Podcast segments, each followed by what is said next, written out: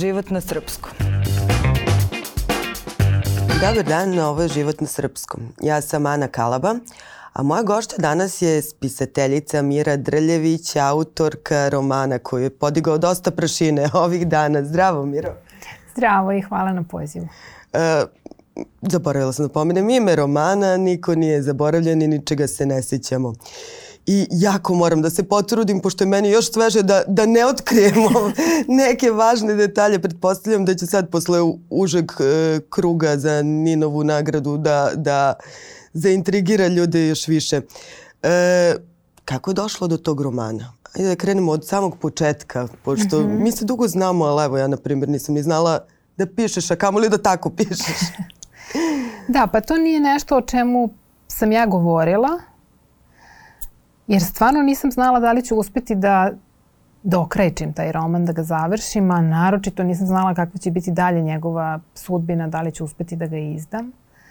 Ono što sam čula kad sam uopšte počela da razmišljam o tome da napišem tekst koji bi trebalo se izda, prvo što sam čula, e, rekli su mi da se neuvedeni autori jako teško probijaju, odnosno mhm. da kad ste takozvani neuvedeni autor, nijedan izdavač neće da uzme da pročita vaš tekst ovaj, i nerado će i da ga izdaje, što, što je sasvim logično jer uh, izdavaču je potrebno mnogo više sredstava i truda da izreklamira knjigu nepoznatog autora nego poznatog autora ili poznate ličnosti, što je takođe mm -hmm. čest slučaj. Tako da ja razumem izdavače, ovaj, ali s druge strane nisam, nisam razumela šta ću ja da radim sa tim tekstom ako ga ikada završim. Ovaj, tako da sam nekako pišući e, ostavljala po strani dalju sudbinu teksta i bavila se zaista isključivo i samo tekstom. Mm -hmm. Ne razmišljajući šta će dalje biti sa njim, jer nisam imala rešenje i onda sam to samo tako ostavila.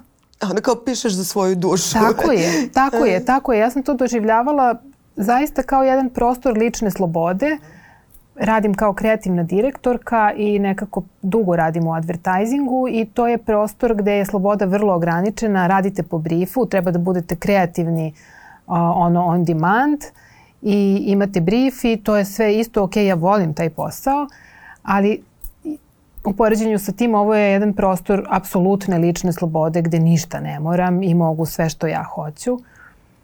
Tako da sam uživala u procesu pisanja, osim kad je bilo mnogo teško i strašno, onda nisam uživala, ali eto, kažem, nisam znala šta ću da radim sa tekstom i onda se pojavio, Buka je raspisala konkurs.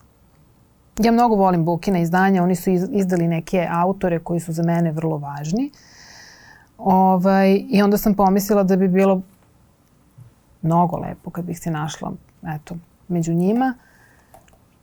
I to me je podstaklo da završim roman. Ja sam imala nekih, ne znam, 30 strana recimo do kraja. Znala sam sve kako, kako želim da se roman završi to, ali nisam nekako, nikako da sednem da ga, da ga dokrećim. I pravila sam duge pauze, pisala sam ga tri godine. Ovaj, I onda je, onda sam sela, završila, poslala na Bukin konkurs, ne znajući šta da očekujem. Stvarno ne znam. Jer vi ne možete znati ko je sve na konkursu, ne znate... Uh, A čekaj, to je za neafirmisane autore bilo, jel? To je bio konkurs za, za neobjavljeni roman. Mm -hmm. to, je, to je bilo sve, znači, jedini uslov. Aha. Šansa da neki afirmisani pisac pošalje svoj tekst na takav konkurs je vrlo mala, tako da ja verujem da, da su sve bili ljudi koji ovaj, ti takozvani neuvedeni autori. I stiglo je mnogo rukopisa. Kad sam videla koliko je rukopisa stiglo, stvarno nisam očekivala ništa. Koliko je rukopisa? 575 rukopisa. To je stvarno mnogo. Ove, I onda je, e, da, to su bili krugovi, širi izbor, pa ne zaboravila sam, pa ja mislim da je bio širi, uži i najuži izbor. I onda je, ove, kad je objavljen najuži izbor, izdavač je napisao da će pobednika ili pobednicu pozvati telefonom ali mislim da se nije znalo kada, nego tako.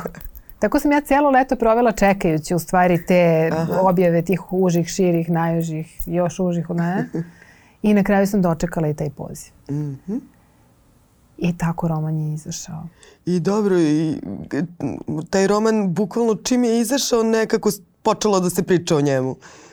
I Jeste. tebi kao autor, uvedenoj autorki. Tako je, da, postala sam uvedena autorka i to je onako jedan stvarno veliki korak. I mnogo je važno. Ja sad više nisam anonimna, mislim skoro da sam anonimna, niko ne zna za mene, ali evo sad polako, zahvaljujući i pre svega zahvaljujući konkursu, sad vraćam se na to, mnogo je važna promocija. Mm. Mnogo je važno da, se, da, ste pristup, da ste prisutni u medijima i moj roman, moj tekst je u tom smislu imao veliku sreću da bude odabran na tom konkursu. Ne volim da kažem da pobedi zato što nekako pisanje nije takmičarski sport i ja se trudim da, da ne pristupam tome tako i da nijednog trenutka ne pomislim da sam najbolja bila na tom konkursu. Prosto ja sam odabrana, izdavač zna koji su njegovi kriterijumi i zašto je odabrao mene. Ovaj, mnogo je važno prisu, mnogo je važno prisustvo u medijima. Uh, Buka je to jako lepo i pametno u saradnji sa OTP bankom uradila i svi mediji su objavili rezultat konkursa. Bilo je 575 ljudi koji su u startu bili zainteresovani za rezultat, svi oni koji su učestvovali, pa sve, svi njihovi prijatelji, mhm. porodice i tako dalje. Tako da nekako odjeknuo je zbog toga. Niko nije znao koji je kvalitet rukopisa, niti išta u rukopisu i meni, ali eto, prosto se pročulo za knjigu jer je pobedila na Bukinom konkursu. Dobro, ali paralelno stiže i nagrada za, za pripovetku. Tako je. Tako je, koja da. je krenula ne kao knjiga naslovnica da se deli, nego cela priča ovaj, se našla na društvenim mrežama i svi smo se ismeli i plakali istovremeno. Da, to je uh, veče pre veče uoči pres konferencije koju je organizovala Buka gde je gde se obznanilo da sam ja pobedila i roman je već bio odštampan i tog dana je i pušten u prodaju. Uh, Dakle, veče uoči toga ja sam, nisam mogla da spavam i sam proveravala mailove između ostalog i vidim da sam dobila mail od e, Vlade Arsenića koji je komunicirao sa, nas, sa ljudima koji su slali svoje radove na regionalni konkurs za ulaznicu i tako sam saznala da sam dobila prvu, prvu nagradu za, za pripovedu. Mm. Ja sam to, pripovetka je moj otac. Tako i, je. Ne znam, je li jeste lič, lično ispovest? A, ona jeste lična. Ono što čini mi se da nije ispovest, jer kad vi napravite, to nije autofikcija, uh mhm. -huh. ja bih rekla. Skoro sve je istina, ne baš sve. Ovaj, ali onog momenta kad napravite priču od građe koja je istinita, ona nekako prestaje da bude ispovest i postaje mm -hmm. priča, samim tim i fikcija. Ovaj, tako da čini mi se da u tom procesu je najvažnije da u stvari ono što je lično za vas nekako uspete da podignete na nivo opšteg. Aha. Pa to, uh, htela sam i da te pitam koliko je u stvari teško nešto tako intimno izbaciti pred publiku. Aha. Mislim... Mislim da je teži ovaj deo pre toga, a to je obraditi, mislim, moj otac je već dugo nije sa mnom, prošle su decenije, uh, tako da ra, taj rad pre toga, da vi u sebi obradite sve što vam se dogodilo, dovoljno da od toga možete da ispredete mm -hmm. narativ koji je komunikativan i koji bez obzira na to što se tu nagoveštava bol, uh, neko neslaganje, trauma, to, su, to ostaje samo u nagoveštaju, a vi ostajete sa pričom o ocu koja je ambivalentna, duhovita, topla, vesela i nekako zaokružena kao, kao priča, kao narativ. Ove, ovaj, a što se tiče tog ogoljavanja, čini mi se da, odnosno barem u mom slučaju, to koliko se ja osjećam ogoljeno i izloženo, a osjećam se izuzetno ogoljeno i izloženo od kad mi je izašao roman, nema veze sa sadržajem teksta, već samo sa činjenicom da ono što sam ja pisala sama, sa sobom, razgovarajući sa sobom, razgovarajući isključivo sa korpusom književnosti koji je meni poznat, s tim delom koji je meni poznat, u osami, a, je sada odjednom dostupno svima i to, mi, to me čini vrlo, vrlo, čini da se osjećam ogoljeno. Verovatno zato što kao čitateljka čitajući pisce koje volim i koje ne volim, ja imam doživljaj da ih izuzetno dobro poznajem. Mm -hmm. Imam osjećaj taj dodira, kao da zaranjam u, u dušu pisca koga čitam i onda sad kad to obrnem pa zamislim da taj isti osjećaj imaju ljudi koji čitaju moju knjigu, to jeste jedan osjećaj ogoljenosti i ranjivosti. Tako da više to ima veze sa samim tim onog momenta kad pustite tekst u svet kakav god on bio, vi ste nekako pristali na to da postanete intimni mm. sa mhm. velikim brojem ljudi. Da, ali ti si to vrlo onako e, lepo odradila kroz jednu e, ajde da kažemo, krimi priču, mm -hmm. si provukla pa mnoge nivoe. Šta je tebi tu yes. bilo najvažnije da, da dotakneš? Mm -hmm.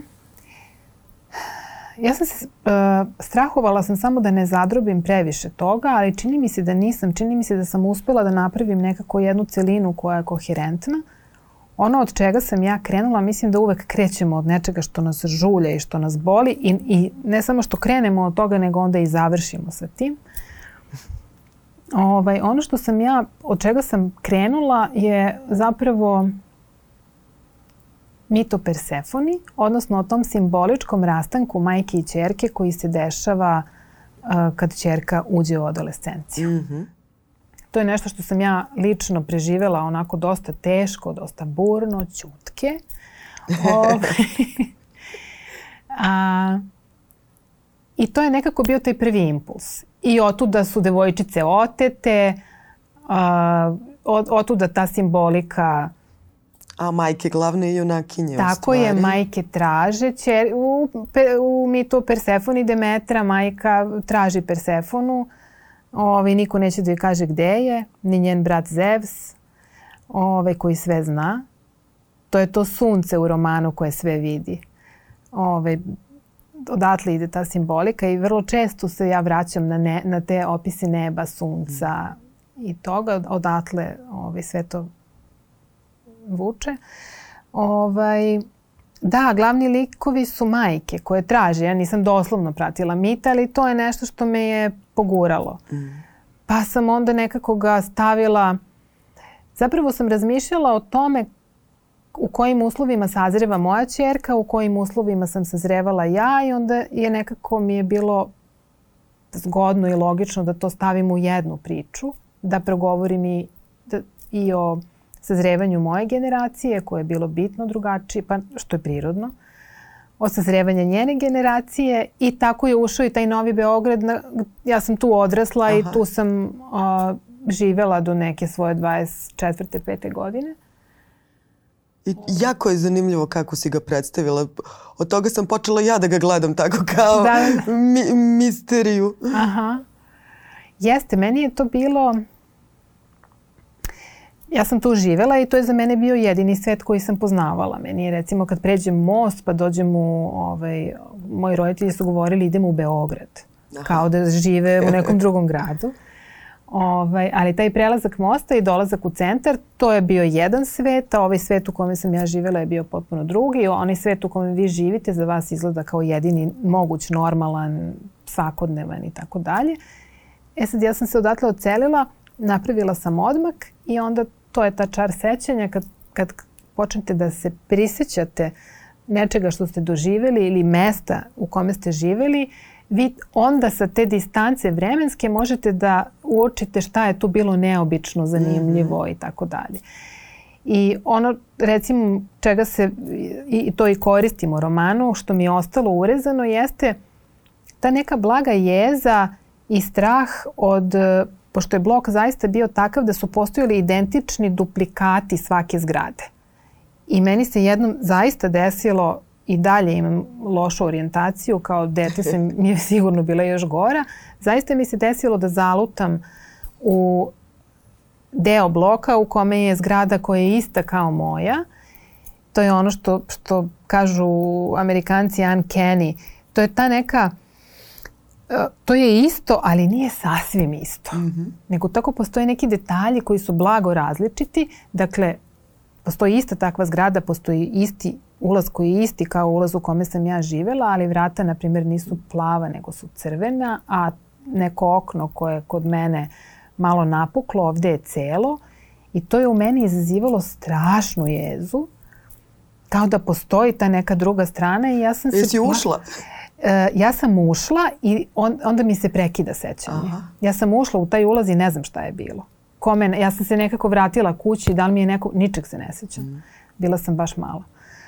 Dobro, u romanu je to kao neki paralelni svet koji jest. mnogo toga otkriva u jest. koracima duše, gde jest, se jest. u stvari junaci suočavaju sa nekom istinom koju ne žele da možda čuju ili žele, ali da, to, je, to jeste, da, u romanu je to druga strana. E, vratila bih te na e, majka-ćerka odnos, mm -hmm. odnosno tu generacijsku priču, e, šta je ono što je tebe definisalo, šta tvoju čerku mm -hmm. danas. Mm -hmm.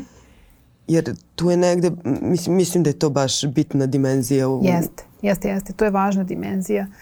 Uh, meni se čini da moja generacija Znači, generacija X uh, ima mnogo, mnogo bolji odnos sa svojom decom, sa malim zumerima. Izvini, ali moram da te prekinem. Znam da je knjiga kao posvećena yes. generaciji X. Jeste. Kako je ti definišeš? Uh, teško mi je da je definišem. Ajde da se vratimo na to. ajde, ovaj, ajde. Uh, možda, možda ću ti odgovoriti sad kroz ovo što sam krenula da kažem.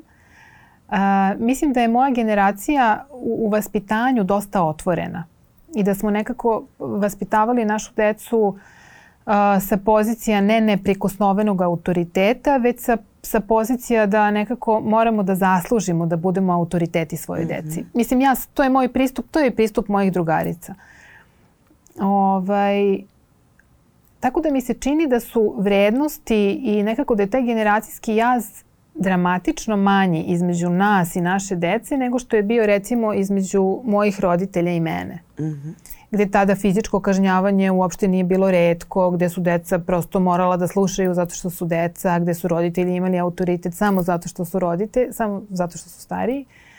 Ovaj, ali to je pre svega zato što su, barem taj ambijent u kome sam ja rasla, to su bili ljudi, roditelji mojih e, vršnjaka, pa i moji roditelji, tu niko nije bio rođen u Beogradu. Oni su svi dislocirani od nekud, naselili su se u tom vojnom bloku, uh, započeli neki novi život potpuno drugačiji od onog koji su živjeli pre, a njihova deca su rođena u gradu, navikla su na grad i to je potpuno nije neobično zašto je postojao taj veliki generacijski jaz. Ovaj, tako da eto to je to je prva i osnovna razlika u stvari u tome. E sad, sa druge strane, mis, ja sam rasla u neko vreme gde je postojao jedan ideološki red. Odnosno, postojalo je jedna, kako bih rekla, nas su u školi indoktrinirali. A, mi smo recimo gledali film Boško Buha u školi o, mm -hmm. mislim, detetu bombašu i tako. A, ali, ali je... A, te vrednosti koje su nama prenošene, ja ne bih rekla da su one loše. Ali sad kad pomislim, na primjer, da e, je neko mojoj čerki to u školi radio, ja bih bila u fazonu da je ispišem iz škole. A kad se setim toga, meni to deluje kao nešto sasvim ok i sasvim normalno. Da, nisu se dovodile u pitanju ne. uopšte te takve stvari. Ne. Ovaj, a kažem, uh, znači to je bila pre svega, govorili smo o vrednosti antifašizma i to je potpuno u redu. S druge strane, forsirana je ta neka, kako bih rekla, uh, mnogo se govorilo o ratu i o žrtvama rata i o herojima rata i ta opterećenost ratom koja uvek podrazumeva i to da vi imate nekog neprijatelja, uh,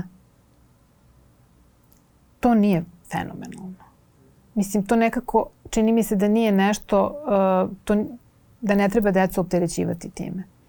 A posle su došli neki novi ratovi tako u kojima je. nije bilo heroja kao tako što je. si primetila. U... Tako je, tako je. Posle su došli neki novi ratovi i uh, sada su ti ratovi iza nas. Nova generacija stasava bez formiranog stava o tome šta se zapravo dogodilo, kakvi su ti ratovi bili, ko ih je vodio, ko ih je izgubio, ko su bile žrtve, kome treba oprostiti, ko je bio na pravoj strani i tako dalje. I u tom smislu to je još jedna velika razlika. Oni rastu u doba jedne, ja bih rekla, ideološke pometnje, velike relativizacije svih vrednosti, da ne kažem erozije svih vrednosti, to slušamo svaki dan. Ovaj, tako da, eto, tako je nekako su mi išle misli u tim spiralama dok sam pisala i tako se otvarao sloj po sloj romana. Jako mi je zanimljivo što ti daješ e, priču o ratovima, ali i o teretu koje su žen, žene ponele u tim ratovima. Da, pa poneli su ga i muškarci, ali ja nekako... Ne, ne, ali baš zato tako je zanimljivo. Je, tako je. Mhm. -huh. ovaj, ja sam žena i pišem iz ženske perspektive, ženskim glasom, ja drugi glas nemam. E, I zato je, zato se bavim ženama. Meni je to prirodno. Ne zato što sam ja rešila da se bavim ženama, nego zato što nekako šta hoću da kažem? Da sam muškarac, ti me ne bi pitala zašto si se bavila muškim Aha. likovima. Mislim, to je i dalje nekako neobično. Žena piše o ženama, pa su sad to kao neke teme koje pripadaju muškarcima, pa ne, sve teme pripadaju svakome, a ja kao žena se bavim iz ženske perspektive, ja nemam drugu mhm. perspektivu. Mm -hmm. A ko su žene iz romana? Pa to su žene, kako bih rekla, žene kao ja. To su neke žene koje se trude da žive svoje ženske živote najbolje što umeju. I bilo mi je važno da svaki lik i ženski i muški, dobro, više sam se, prosto žen, ženski likovi imaju više prostora, pa sam se onda više njima i, i bavila. Ne mislim da postoje manje i više važni likovi u književnom smislu, morate se pozabaviti svakim likom. Ali ovaj, želela sam da, pisala sam u stvari po dve ose. Jedna je ta žanrovska osa i sad tu je taj ceo procedura, ali inspektor kao ona mora da razgovara, mora da uzme otiske, mora sve to što mora. Uh, I sad da to ne bi ostalo tako nekako, kako bih rekla, bez, beživotno i da ne bi ostalo van miljeja. Ja sam želela da uronim stvarno roman u taj Novi Beograd, u Beograd danas, da bi, da bi postojala ta krv i meso romana, druga osa su mi bili likovi. Jer kažu kao visoka i niska književnost, se, mislim to ne postoji ta podela, ali neki, neki je se još uvek drže, kao niska književnost se vodi za radnjom, visoka književnost se vodi za karakterima. Ja sam nekako želela da imam i radnju jer verujem u događajnost, u prozi, prosto volim i da čitam takve knjige u kojima se koji imaju događaje ali likovi, pa ništa ne, ne postoji bez likova, jer vas ne zanima šta se dešava nekome ko, ko vas ne zanima. Tako da mi je bilo važno da one postanu nekako žene od krvi i mesa, stvarno da, da svako od nas može kaže da, ja imam takvu drugaricu, ja sam takva, da u nekim fragmentima prepoznaš svoju temu, način razmišljanja i tako dalje. Ali tačno si to i uradila, jer ti, znaš, ono, kao pratiš radnju i sad ti kao tu pokušavaš da otkriješ nešto što, mislim, i bukvalno ideš nivo za nivom, a paralelno kroz priče tih žena ti u stvari vidiš celu našu realnost. Ti si dosta tih nekih aktuelnih tema, mm -hmm. mislim, vrlo aktuelnih, da ne kažem, ono, mm -hmm. svih tih nekih društvenih deformacija s kojima mm -hmm. se nosimo, dotakla kroz njihove priče u stvari. Mm -hmm. Jeste, ja sam ih onako ovlaš ovlaš okrznula, ali sam ih otvorila mm -hmm. i mhm. nekako one zvone u romanu iako to nisu centralne da, da. teme, da. ali je to jedan korpus tema u stvari koje mene opsedaju, a koje su s druge strane vrlo prisutne danas u društvu. A od čega si počela? Kako, kako si ti radila to? Mislim, e, ispalo je tako da ti je uzbudljivo bukvalno ono kao sa, mm -hmm. iz stranice u stranicu mm -hmm. ideš mm -hmm. i mhm. otkrivaš nešto novo. Mm -hmm. Kako je u, pisanje izgledalo? Od čega je, od koje ideje si krenula? Prvo, je, prvo godine. su bile te, ta Persefona i te nestala, ta nestala deca, a onda je druga važna stvar bila, sećam se, da sam imala ovaj, jedno poglavlje gde mi je inspektorka bila, inspektor u stvari, krenula sam od muškog Aha. lika i nikako taj čovek nije hteo da se napiše, taj muškarac. Nije, prosto nije moglo, nisam mogla da ga, da ga izvučem, iz, da ga iskopam iz teksta. I onda sam rekla, dobro, ajde, neka bude žena.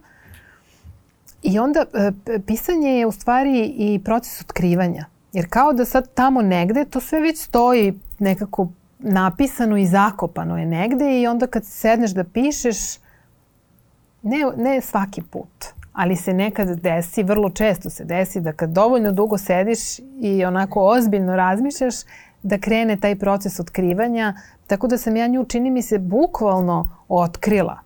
Kad sam, e, I to mi je pomoglo kad sam je nazvala lepa, nekako mi se sve kazalo kakva će ona biti. Mm -hmm. Ovaj, tako da... Inače, najjača junakinja u knjizi. ja je to mnogo sam ti volim. rekla. Da, ja je Bukvalno mnogo kao da je gledaš ono. Mnogo mi je ona bila važna. Ona je u stvari, to sam juče na radiju razgovarala ovaj, sa, gospođom Melihom, uh, ona, je, ona me pitala da li je to moj alter ego, ja sam rekla nije to moj alter ego, nažalost. Ja, to je žena kakva bih ja želela da budem. Ovaj, na putu sam ka tome da postanem lepa, nadam se. I ono što ja naročito volim kod nje jeste to što e, nju ne zanima, ona nema potrebu da se dopadne. Ni da se umili, niti da učini da bilo kome bude prijatno, e, nego ima, ona ima svoj posao i svoju misiju i ona ide ka tome ne preko leševa, nego prosto ona zna svoju svrhu i ne zanima je šta će u tom procesu ljudi o njoj misliti. Mm -hmm.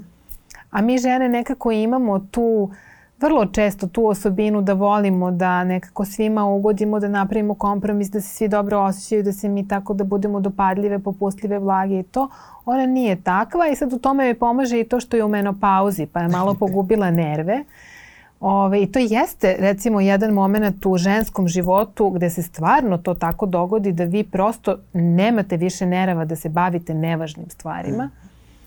I, I tu se lako izlazi iz tog narativa koji je namenjen ženama i prelazi se u neku drugu vrstu. Tako da kažem, eto, nadam se da ću... Dobro, lepo mi upoznajemo i kroz njenu drugu stranu, Ona ne je samo... majka, mm -hmm. tako je. Naravno, to je nekako sve integrisano. Naravno, da, ona je i majka, ona voli svoje sinove, ona brine o njima, ne bih sad da otkrivam. Da, da. Ovaj, ona je i nežna, ona ima mnogo empatije, ona ima skoro neku nadprirodnu uh, ne bih rekla da je vidovita, nego kroz tu izuzetno veliku moć empatije ona može da vidi šta se dešava u nekome ko sedi preko puta nje, kako se on osjeća, o čemu razmišlja i tako dalje. Tako da ne, ne mislim da treba da se odreknemo toga da budemo žene, ovaj, nego samo postoje te neke, e, to je jedan od tih tereta koje nasleđujemo i od majki, i od očeva, i od baba i tako dalje, ovaj, sve ono što nam ne prija, što ne prija našem identitetu, prosto treba da otpadne sa nas, pa eto, to je možda, možda govorim samo u svoje ime, to je jedna od stvari koje meni, koje meni ne prijaju,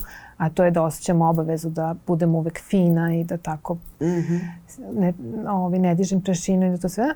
Ovaj, eto, to je recimo nešto čega bih volila da se reši. A lepa se toga rešila. Mm.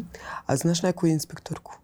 Ne, ne, nisam, nisam išla u to, uh, mislim istraživala sam to sad kako uh, kako se vodi slučaj, kako je zaključila sam da to meni ništa ne pomaže jer to prosto nije, kako bih mhm. rekla, verovatno bih, bi zaista oni našli telefone tih devojčica preko servera mm -hmm. se mhm. ulogovali u njihove Vibere, Whatsappove, šta god i vrlo brzo to.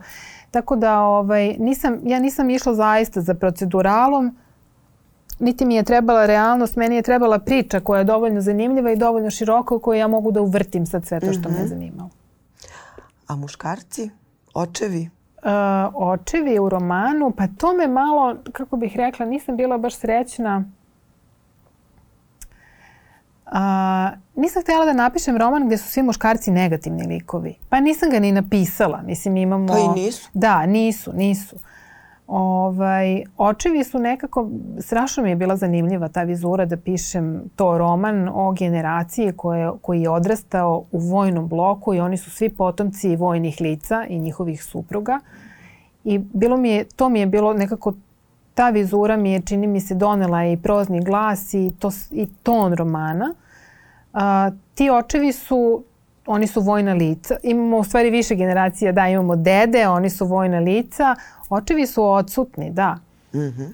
Ovaj, nisu mi bili potrebni za priču, prosto mi je bilo nekako tako i, i sviđalo mi se to, mislim dobro mi je radilo za roman to da je kao misterija ko je kome otac i to, a suština je u stvari da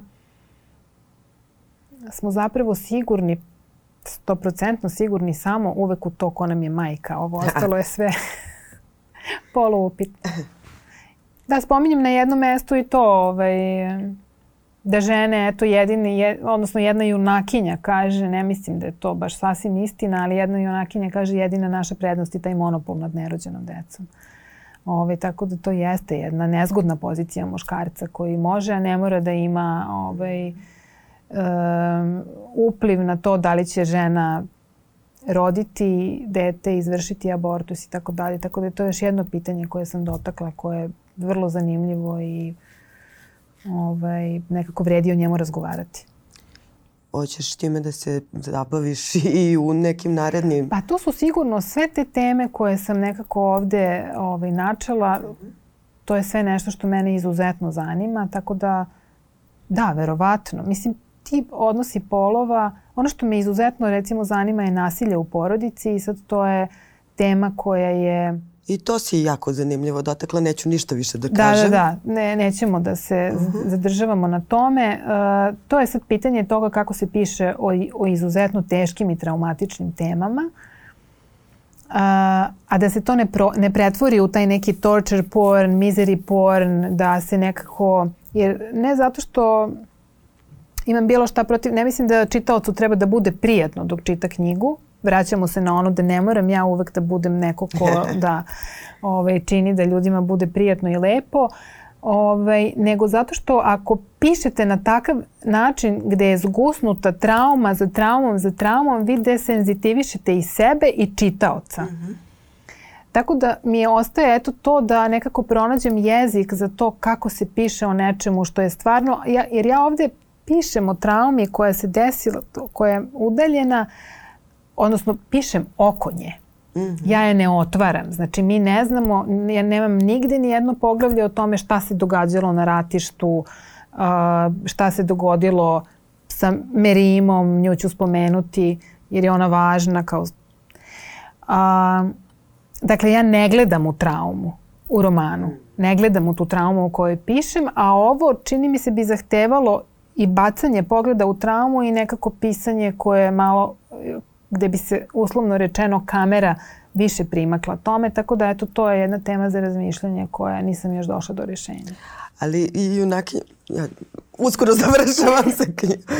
Mislim, sam naz, naslov uh, romana aha, aha. i taj moment gde ti shvatiš da su junaci i sami potpuno nesvesni te mm -hmm. traume. Mm -hmm. Odnosno, yes. šta ih vodi, šta je iza svega toga ti bukvalno sa njima otkrivaš, oni ničega jeste, se ne sećaju. Jeste, jeste, ničega se ne sećaju. Pa ne, ne, ne želimo da se sećamo neprijatnih stvari, to je nekako zajednički imeniti, čini mi se, za većinu ljudi. Uh, to je jedno. Drugo, postoji taj moment da recimo, uh, evo reći ću za sebe, ja sam uh, nekako doživljavala da nemam prava na traumu mm. zato što me niko nije ubio, niko me nije ranio, Jest. niko me nije raselio, niko me nije silovao toliko je žrtava bilo u tom ratu da nekako stvarno moja trauma dolazi na poslednje mesto, ali ona ipak, da, imamo svi pravo na, na traumu zato što je jedan svet nestao i zamenio ga je drugi i to nekako nije bilo prijetno. I sad bih se opet okrenula tebi i nagradama koje si pokupila i kao novi glas e, književnosti, kako se osjećaš i rekla sam ti malo pre koliko je inspirativno sve ovo što ti se dešava i koliko je nekako motivišuće kako ti gledaš na celu tu priču. Pa, mnogo se brzo sve dogodilo, tako da ja nisam još svarila ono što ću reći, dakle kad sam uh, kad je odebrana moja knjiga na, na Bukinom konkursu, izdavač mi je ono, na jednom od prvih susreta rekao ono, prijavit ćemo te za Ninovu nagradu. Ja sam bila u fazonu, što zašto bi me prijavio za Ninovu mm. nagradu, ko će mene da čita tamo. Ove, dakle, nisam ni sanjala da ću doći do najužeg izbora zaista. Ovaj... Ali vidiš da je Ninova nagrada baš bacila nekako reflektore na no, jeste, nove autore. Jeste i to je fenomenalno. Aha. Ovaj, da, najuži izbor je, mislim, bio stvarno veliko iznenađenje. Uh, nas tri smo bile sa prvim romanom. Uh, jedan kolega je, mislim da mu je to drugi roman i dobro Uglješa Šetinac i Goran Petrović koji su etablirani pisci, ali nas četvoro suštinski neetabliranih pisaca, ja potpuno nepoznata, nikada mm -hmm. ništa nisam izdala. Ja sam pisala dramske tekstove, neke koji su izvođeni, ali to je potpuno druga neka priča. Ovaj, I Marijana Čanak i Danica Vukićević po, čestitam joj na pobedi ovaj, koje imaju staža u pisanju, Danica naročito, ovaj, ali su im to prvi romani. Tako da žiri je očigledno bio izuzetno otvoren i tragao je za novim glasovima i u tom smislu nekako ja pozdravljam ovu odluku. Uh, oni tragaju očigledno za novim tendencijama i za tim nekim novim formama i novim interpretacijama toga šta je roman i to nagrađuju i to je nekako lepo i mnogo lepše nego, nego ono kad vam izađe spisak i vi znate ko će da dobije. Ovo je bilo, najuži izbor je bio potpuno mm. iznenađenje, a onda i Ninova nagrada bila potpuno iznenađenje da. i to je. E sad, to je tek sedma žena koja je dobila Ninovu nagradu. Ja ne znam koliko ove, je bilo dobitnika, ali disproporcija je ogromna. S druge strane, sigurna sam da nije dobila Ninovu nagradu zato što je žena, ali verujem da žene nekako, naročito, sad imate pisce koji nekako kad ih čitate, vi ne znate koliko su oni pola. Ima takvih pisaca. Ima pisaca koji za sebe tvrde da im nije važno da li su muškarac ili žena. Ima, i, mislim, ono sa čim se ja slažem jeste da se književnost ne deli na žensku i mušku, mm. nego na dobru i lošu i to je tako. Ali kada ste žena i želite da pišete iz pozicije žene, jer živite život u poziciji žene, vi u domaćoj prozi uh, nekako nemate baš mnogo nekih stubova na koje možete da se oslonite i krećete suštinski iz početka i tražite svoj glas, svoju formu, uh, svoju definiciju romana, svoju definiciju priče i u tom smislu ja verujem da su žene prinuđene prosto da budu inovativnije od muškaraca jer je muška proza ona je standard, ona je mainstream. Postoji jedan korpus muške proze, postoje svi ti silni dobitnici Ninovih nagrada pre njih. Oni imaju uzore na koje mogu da se oslone. Sad ja ne kažem da se neće osloniti na Pekića ili na Kiša, ali baš u pronalaženju te ženske perspektive oni mi neće pomoći. Mm -hmm. I zato mislim da je sad, da ne bismo ulazili u te polemike da li je to sada politički korektno danas kosa mi se diže od toga da se Ninova nagrada dodeli ženi. Mislim da to nije, da ona nije dobila Ninovu nagradu zato što je žena, nego zato što je kao žena morala da inovira. Mm. Eto, to, to je nekako i mislim da je mislim da ne grešim kad kažem da je žiri prosto nagra, nagra, nagradio novinu. Šta su tvoji planovi dalje? Pa, Ćemo opet da čekamo tri godine. Pa nadam se da nećemo. Ja se nadam da se drugi roman piše malo brže. Nego... Ali osjećaš pritisak? Jel osjećaš... Osjećam, osjećam, osjećam pritisak.